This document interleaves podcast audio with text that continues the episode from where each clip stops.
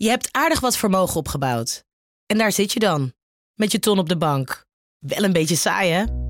Wil jij, als belegger, onderdeel zijn van het verleden of van de toekomst? Bridgefund is een slimme fintech die een brug slaat tussen de financiële behoeften van ondernemers en van beleggers. Dus wie belegt bij Bridgefund krijgt niet alleen een mooie vaste rente, maar brengt ook ondernemers in beweging. Echt waar! Met die ton kan je zoveel betere dingen doen. Bridgefund. Make money smile. Vanaf de redactie van NRC het verhaal van vandaag. Mijn naam is Thomas Ruip.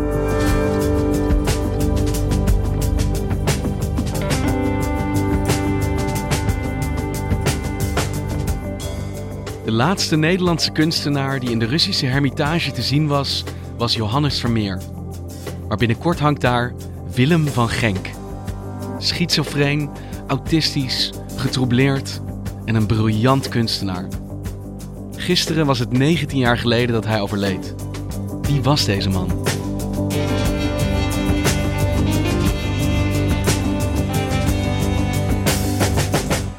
Willem van Genk was en is de koning van de outsider-kunstenaars.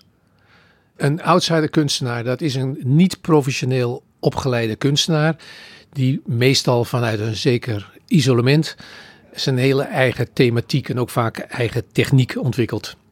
Dikwijls gaat dat om psychiatrische patiënten. Arjen Ribbens is kunstredacteur voor NRC. En zo'n soort kunstenaar was Willem van Genk. Het was een man die heel veel mankeerde.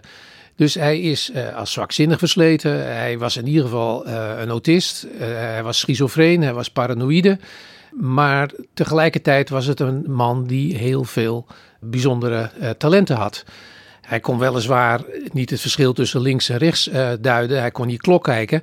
Maar hij had wel een encyclopedisch geheugen en hij wist alles van muziek. En hij was een, een taalvirtuoos, wat voor een autist een hele bijzondere eigenschap uh, is. Een kunstenaar die nu een tentoonstelling in de Hermitage in Amsterdam uh, krijgt, in het belangrijkste museum voor outsiderkunst en in de Hermitage in Sint-Petersburg. En dat is ook heel terecht, want vaak worden outsider kunstenaars worden in een hokje geduwd. Hè. Die worden geëxposeerd in gespecialiseerde musea waar je alleen maar werk van andere outsider kunstenaars ziet. Maar Willem van Genk is gewoon een heel uh, groot kunstenaar die het verdient om uh, ook in gewone musea tentoongesteld te worden.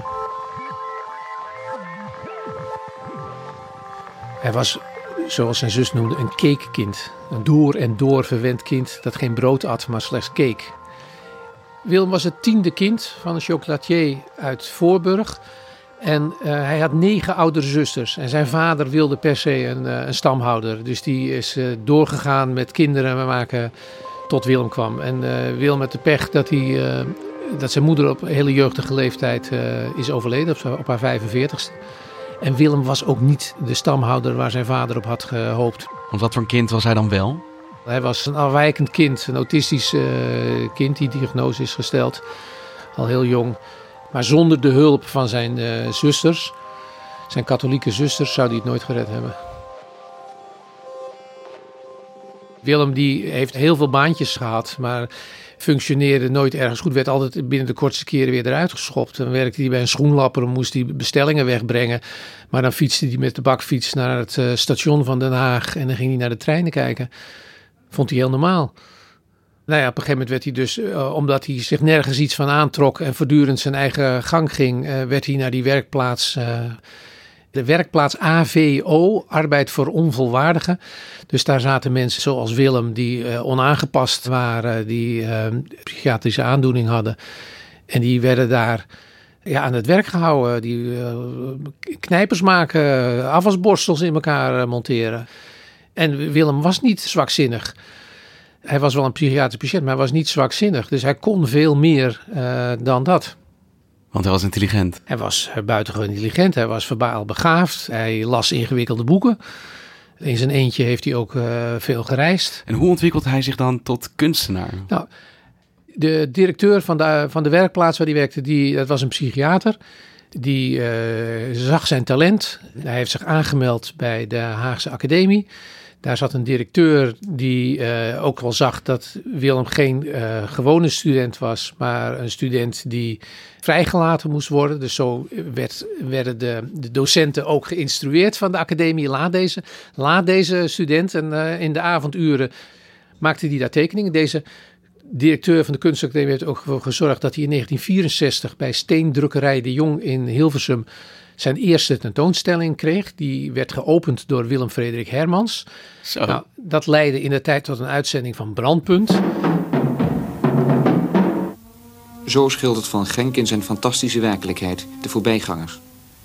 In de kantine van de Jong Steendrukkerij in Hilversum kan men met de bizarre tekeningen van deze zonderschilder kennismaken. De expositie heeft nogal wat publiciteit getrokken. Willem van Genk is namelijk geestelijk gestoord Sommigen zien zijn probeersels dan ook louter als uitingen van een zieke, manische geest. Gespleten persoonlijkheden grijpen dikwijls naar de tekenstift. Willem, keurig in het pak, hij ziet er heel normaal uit. Maar het is, als hij zijn mond open doet, hoor je dat het een vreemde uh, snuiter is. Ik heb ook wel landschappen getekend.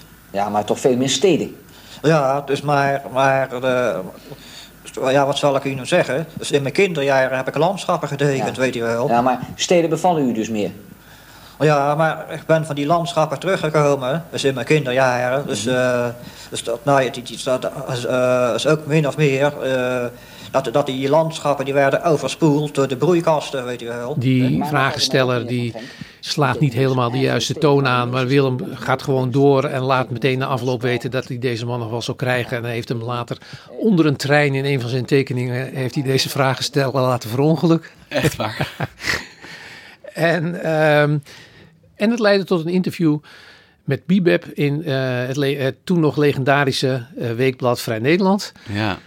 Met een kop die heel goed samenvat wat voor een man het was. Ik ben een stuk grijs pakpapier, was het citaat van Bibeb uh, wat boven het interview stond. Want dat had hij gezegd, ik ben een stuk grijs, pakpapier. Ja.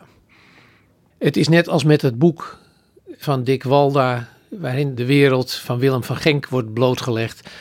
Je krijgt voortdurend het gevoel dat het een zeer eenzame, diep ongelukkige man is. En iemand die zegt dat hij een stuk grijs pakpapier is, dat is geen, uh, geen vrolijk iemand, toch? Vind je het fijn om te reizen? Ja, is zover als je maar een bestemming hebt, hè. Om ergens naartoe te reizen, niet om het reizen zelf. Vind je het niet fijn? Om het reizen zelf, dat is toch al lang Dick Walda was iemand die veel reisde en die hield in Den Haag een lezing voor studenten over eh, een reis die hij naar Siberië had gemaakt. Tussen de studenten zat een man in een rare lange jas, een oudere man die door alle studenten werd, eh, in de maling werd genomen.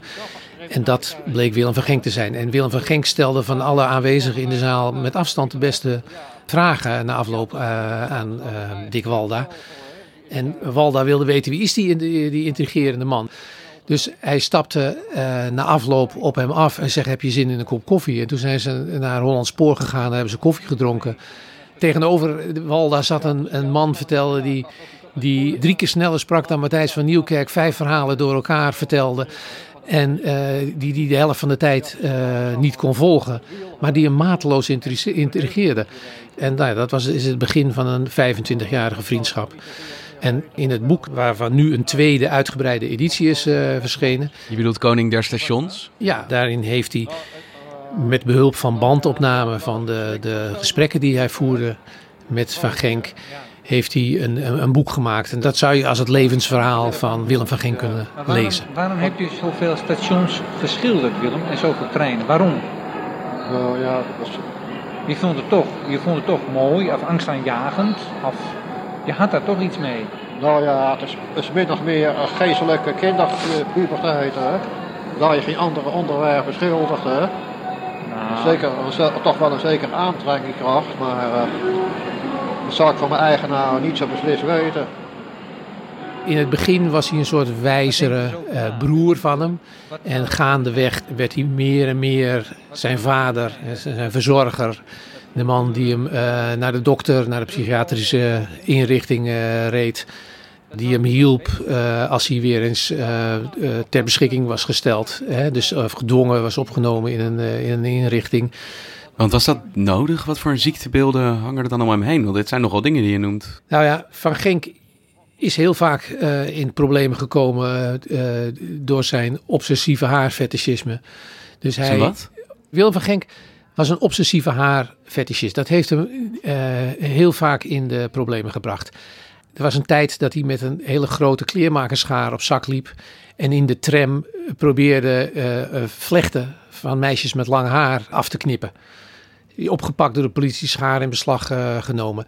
Hij is 23 keer in zijn leven is hij opgebracht omdat hij naar kapsalons ging waar vrouwen bezig waren om hun lange haar te wassen. Shampoo in het haar, bubbels op het hoofd. En dan, uh, dan, dan raakte Willem zo, zozeer opgewonden dat hij zijn broek opendeed. En, en, Midden in zo'n kapsalon? in de kapsalon, voor het raam van de kapsalon. Nou ja, en dat leidde ertoe komt dat hij werd opgepakt. En uh, met Walda heeft hij het daar dikwijls over gehad. Dus in het boek lees je daar van alles over. Het werd interessant toen hij een psychiater kreeg. Die zei van Willem, je moet prostituees gaan uh, bezoeken. Om op die manier uh, niet meer in de problemen te komen. Dat je niet meer naar kapsalons gaat, maar dat je naar prostituees gaat. Nou, het was een manier om hem in het gereel te houden, om naar prostituees te sturen. Ja, om het, nou ja. Toen moest hij van de psychiater, of die had het advies gekregen om prostituees thuis te ontvangen. Hij had een gros flacons uh, shampoo besteld. Dus er stonden 144 flessen shampoo in zijn woning. En daar kwamen dan prostituees langs. En die moesten dan, het enige wat ze hoefden te doen, was hun haren uh, in de keuken onder de kraan wassen. Het ging nog steeds om dat haar? Het ging om het haar. Iets anders heeft hij nooit... Hij, hij is als maagd gestorven. Het enige wat, ze, wat, wat die prostituees hoefden te doen, was hun haren wassen. Op welke manier komt dat dan tot uiting in zijn kunst? Komt dat, zie je dat terug zijn, in zijn kunst? Er zijn, uh, kan maar één schilderij erin. Heeft iets van honderd grote schilderijen in zijn leven gemaakt. En één van die schilderijen zie je, zie je allerlei vrouwen met, uh, met shampoo in het haar.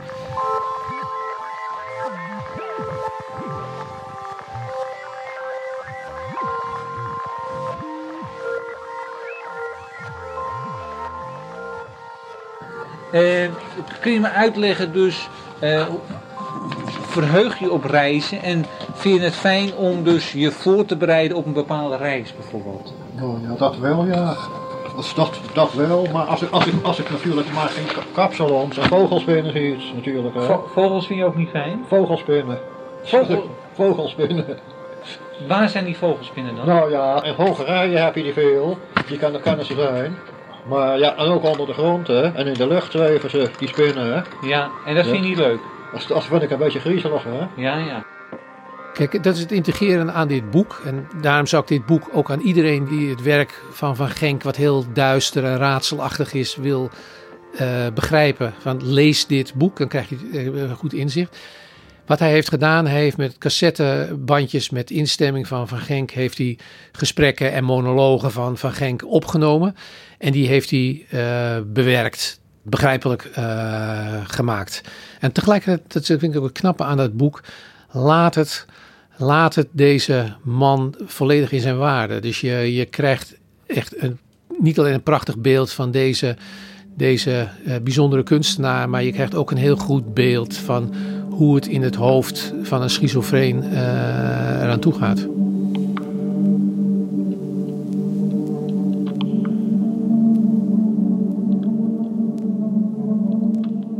Met die kunst probeerde Van Genk greep te krijgen op alles wat hem bedreigde.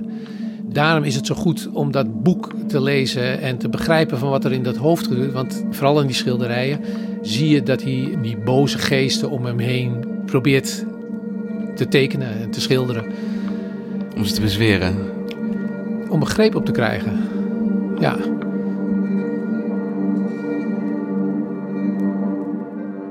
Want hoe wordt er naar zijn werk gekeken? We horen nu zijn leven, maar hij heeft natuurlijk ontzettend veel gemaakt ook. Ja, er wordt op verschillende manieren naar, wordt naar zijn werk gekeken. Onomstreden zijn zijn uh, tekeningen en schilderijen. Die zitten in fantastische uh, uh, collecties, museale collecties. Maar Van Genk maakte meer dan dat. Bij toeval is ontdekt dat hij aan het eind van zijn leven een serie van iets van 80 grote trolleybussen heeft gemaakt. Die, eh, die ge- gemaakt zijn van afval, eh, wat hij op straat vond. Dick Walda vertelt in zijn boek hoe hij eh, voortdurend met hem naar één café gaat. En op een gegeven moment komt het personeel naar Walda toe en zegt van... iedere keer als jullie zijn geweest, dan zijn we de dopjes van de peper- en zoutvaatjes zijn we kwijt. Want die stal hij. Die stal hij. Daar maakt hij de wieldoppen van voor de trolleybussen. En die zijn ontdekt toen zijn galeriehouder in zijn huis kwam om iets op te halen. Toen Willem gedwongen opgenomen was in een psychiatrische inrichting. En eh, de galeriehouder opende de deur van zijn badkamer. En die hele badkamer stond vol met trolleybussen. 80 van die trolleybussen kwamen daaruit.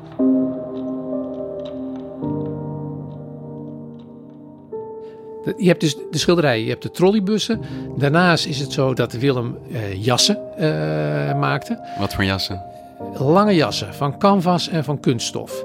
Toen hij doodging zijn er meer dan 200 van in zijn huis gevonden. En met een hamer en aanbeeld maakte hij van die jassen eh, imponeerjassen, zoals hij dat zelf noemde. Als hij zo'n zo'n imponeerjas met, die vol met drukknopen zat om zijn schouders had, dan was hij gewapend tegen al het kwaad in de wereld.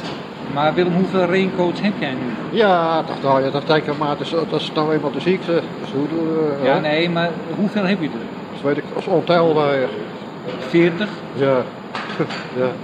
Dus wat je in dit boek leest, dat zijn hele lange monologen van Van Genk en soms eh, eh, tweespraken met Walda. Soms ook de avonturen die ze gezamenlijk hebben beleefd. En een van de mooiste avonturen die in dit boek staat, is hoe Van Genk zijn vriend Walda weer op een onweerstaanbare manier bespeelt door hem op oudjaarsdag eh, te bellen en, zeg, en te vertellen dat het nieuwe jaar niet kan beginnen als hij niet nu nog deze middag een hond met hem eh, gaat kopen. Een hevig opgewonden Willem belde op Oudejaarsdag. Het nieuwe jaar kan niet beginnen als je dat maar weet. Het was even stil aan de lijn. Waarom kan het nieuwe jaar niet beginnen, Willem? Omdat er een hond moet komen, e- eentje uit het Amsterdamse asiel, want de liefste mensen zijn honden. Staart kan me niet schelen, krul of naar beneden hangend is ook goed. Zwart-wit of wit-zwart. En ze moeten Coco heten. Het is half twaalf, Willem. Laten we dat volgend jaar gaan doen. Niks ervan, je komt me halen. Je wilt toch ook dat het nieuwe jaar begint? Ik was even perplex door de verbluffende logica van Van Genk. Misschien kunnen we in Den Haag op, eh, op zoek gaan, aarzelde ik. Geen hoerensmoesjes bedenken. Al die Haagse asielhonden hebben capsones. Het wordt Amsterdam. Ik wacht op je. Ik krijg zo dadelijk bezoek. Dat geeft niet. Kom. Ik belde het Amsterdamse asiel. Toen de tijd aan de Polderweg in Oost gelegen. Bent u vandaag open, meneer? Tot half drie. En ik zegde mijn bezoek schaamtevol af en reed naar Den Haag, waar Willem beneden bij de voordeur vol spanning wachtte. En die schilderijen waarvan iedereen zegt, ja, dit zijn meesterwerken. Wat voor schilderijen zijn dat? Het zijn, eh, het- hij is begonnen met hele grote panoramische stadsgezichten vanuit een vogelperspectief. Van steden als Moskou en Wenen en eh, waar hij echt geweest is. Met de katholieke reisvereniging. Alleen met zijn vrienden Nico en, eh, en Dick is hij eh, op reis eh, geweest. En het zijn schilderijen waar hij zeg maar alle bedreigingen die er in zijn leven zijn schildert en tekent. En dat zijn zo, zo- soms collageachtige schilderijen met heel veel verschillende kleine voorstellingen, waardoorheen altijd raadselachtige teksten. En dan is het mooi, dan heb je dus, dat is dan de voorkant van het schilderij. De meeste schilderijen, als je die van de muur haalt en omdraait, dan, eh, nou ja, dan zie je nog een signatuur of een datum eh, Mhm. staan. Nee, bij, bij Van Genk is de achterkant helemaal beplakt met knipsels uit kranten, met teksten, met eh, briefjes waar hij op geschreven heeft. De achterkant, eigenlijk zou je ze zo moeten exposeren in musea dat je zowel de voor- als de achterkant kunt bekijken. Je zou er omheen moeten kunnen lopen. Ja, Vindt u zichzelf ook een groot schilder en tekenaar? Ja, dus, kijk, kijk eens hier, als ik nou mezelf nou eh, een groot schilder en tekenaar, dus daar, daar gaat het nou weer van uit dat er van persoonsverheerlijking zo'n beetje, hè. En daar moet, moeten we nou maar niet te veel heen gaan. hè. Het bijzondere is dat Van Genk nu een grote overzichtstentoonstelling krijgt in het Outsider Art Museum, ondergebracht in de Hermitage in Amsterdam. En dan, als klap op de vuurpijl, een tentoonstelling in de Hermitage in Sint-Petersburg. En hoe bijzonder is dat voor een Nederlandse kunstenaar? Om onder één dak te hangen met uh, Rembrandt, Vermeer, uh, Monet, Picasso en uh, nou ja, noem alle grote kunstenaars maar op. Nou, het lijkt me tamelijk exceptioneel. Ik weet niet hoeveel kunstenaars uit Nederland uit de 20e eeuw die eer ten beurt is gevallen. Ik denk heel weinig. Maar is zijn kunst invloedrijk geweest? Heeft hij ehm, een stijl die gekopieerd is, die anderen heeft beïnvloed? Nee, dat zeker niet. Maar dat geldt voor bijna alle outsider kunstenaars. Het zijn eenzame sterren die hun eigen universum hebben gecreëerd. En dat geldt ook voor Willem. Een heel duister universum. Arjen, dankjewel. Alsjeblieft, uh, Thomas. Je luisterde naar vandaag, een podcast van NRC. Eén verhaal, elke dag. Dit was vandaag, maandag weer.